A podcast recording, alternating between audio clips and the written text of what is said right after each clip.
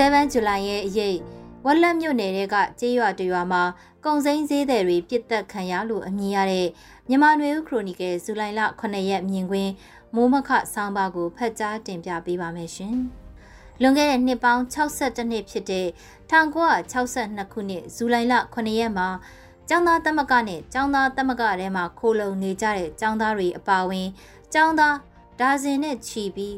ဖောက်ခွဲခံခဲ့ရပြီးအထဲမှာအသက်ဆုံးရှုံးခဲ့ကြရတဲ့အဖြစ်အပျက်အဲ့ဒီဇူလိုင်လ9ရက်မှာပဲတက္ကသိုလ်ဝင်းထဲကဆန္ဒပြနေတဲ့ကျောင်းသားတွေကိုကြီးအစ်စ်နဲ့ပြစ်ခတ်တာတွေတော်လိုင်းရဲ့ကောင်စီလို့၎င်းတို့အဖွဲ့ကို၎င်းတို့ကိုယ်တိုင်နာမည်ပေးထားတဲ့စစ်ဗိုလ်ချုပ်တွေက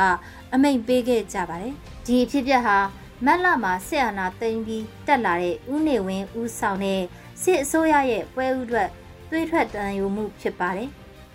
1962ခုနှစ်အာနာသိမ်းမှုကိုနိုင်ငံရေးသမားတွေအနေနဲ့ပြင်းပြင်းထန်ထန်ဆန့်ကျင်မှုမရှိခဲ့ဘဲအချို့သောဆိုရှယ်လစ်ဆိုရှယ်ဒီမိုကရက်လို့ဆိုနိုင်တဲ့အလဲအလက်လက်ဝဲနိုင်ငံရေးသမားတွေကထောက်ခံခဲ့ကြတာလည်းဖြစ်ပါတယ်။အဲဒီချိန်ကဖာစာပလက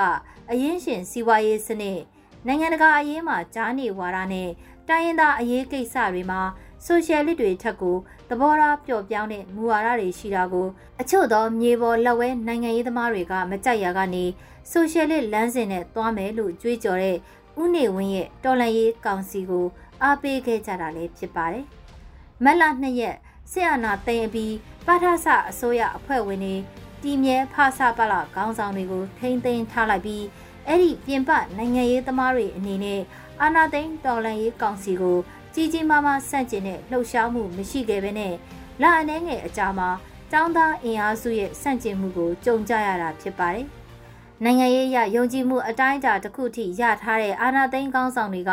ကျောင်းသားတွေရဲ့ဆန့်ကျင်တဲ့လှုပ်ရှားမှုကိုပြင်းပြင်းထန်ထန်ကင်တွယ်ခဲ့ကြတာမျိုးဖြစ်ပါတယ်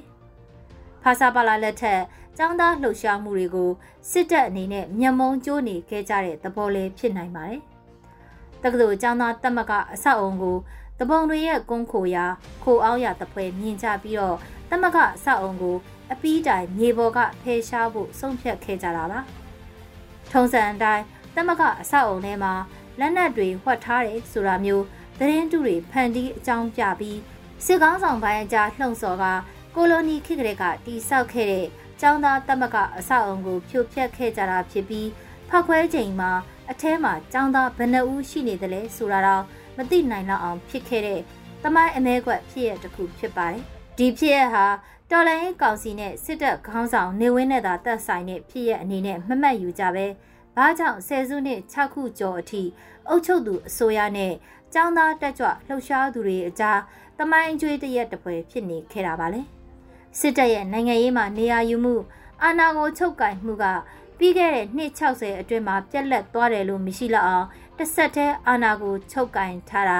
ចောင်းသားလှုပ်ရှားမှုတွေကိုကန့်သက်ချုပ်ချယ်တာចောင်းသားတက်မကတွေကို2017ကနေ2021ခုနှစ်အကြားချင်းချက်သာရှိခဲ့ပြီးတရားဝင်ဖွင့်ခွင့်မပေးခဲ့တာ1962ခုနှစ်အဖြစ်အပျက်နဲ့ပတ်သက်ပြီးစစ်တပ်အနေနဲ့တာဝန်ရှိသူတွေကိုဖော်ထုတ်တာ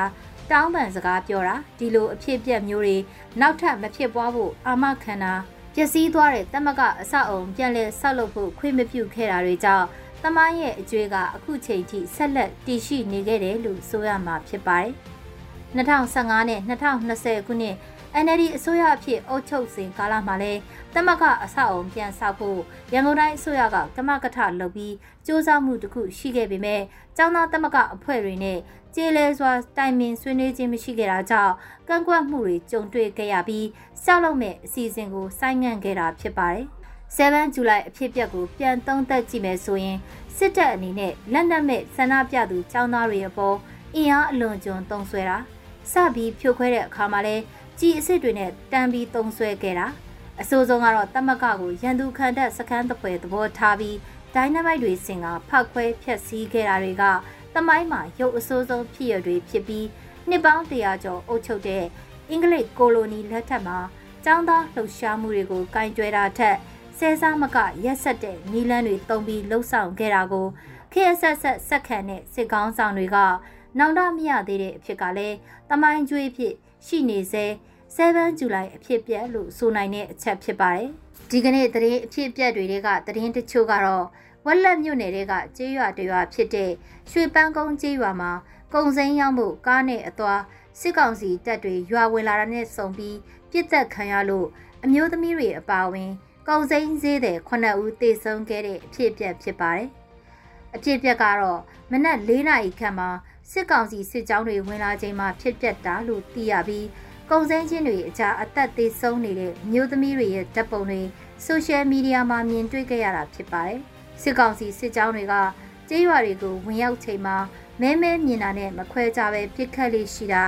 လမ်းမှာတွာလာသူကိုလည်းပြည်သူ့ကာကွယ်ရေးတပ်ဖွဲ့ဝင်ဒါမှမဟုတ်ထောက်ခံသူ တရင်ပေးသူအဖြစ်ယူဆပြီးတပ်ဖြတ်တာတွေက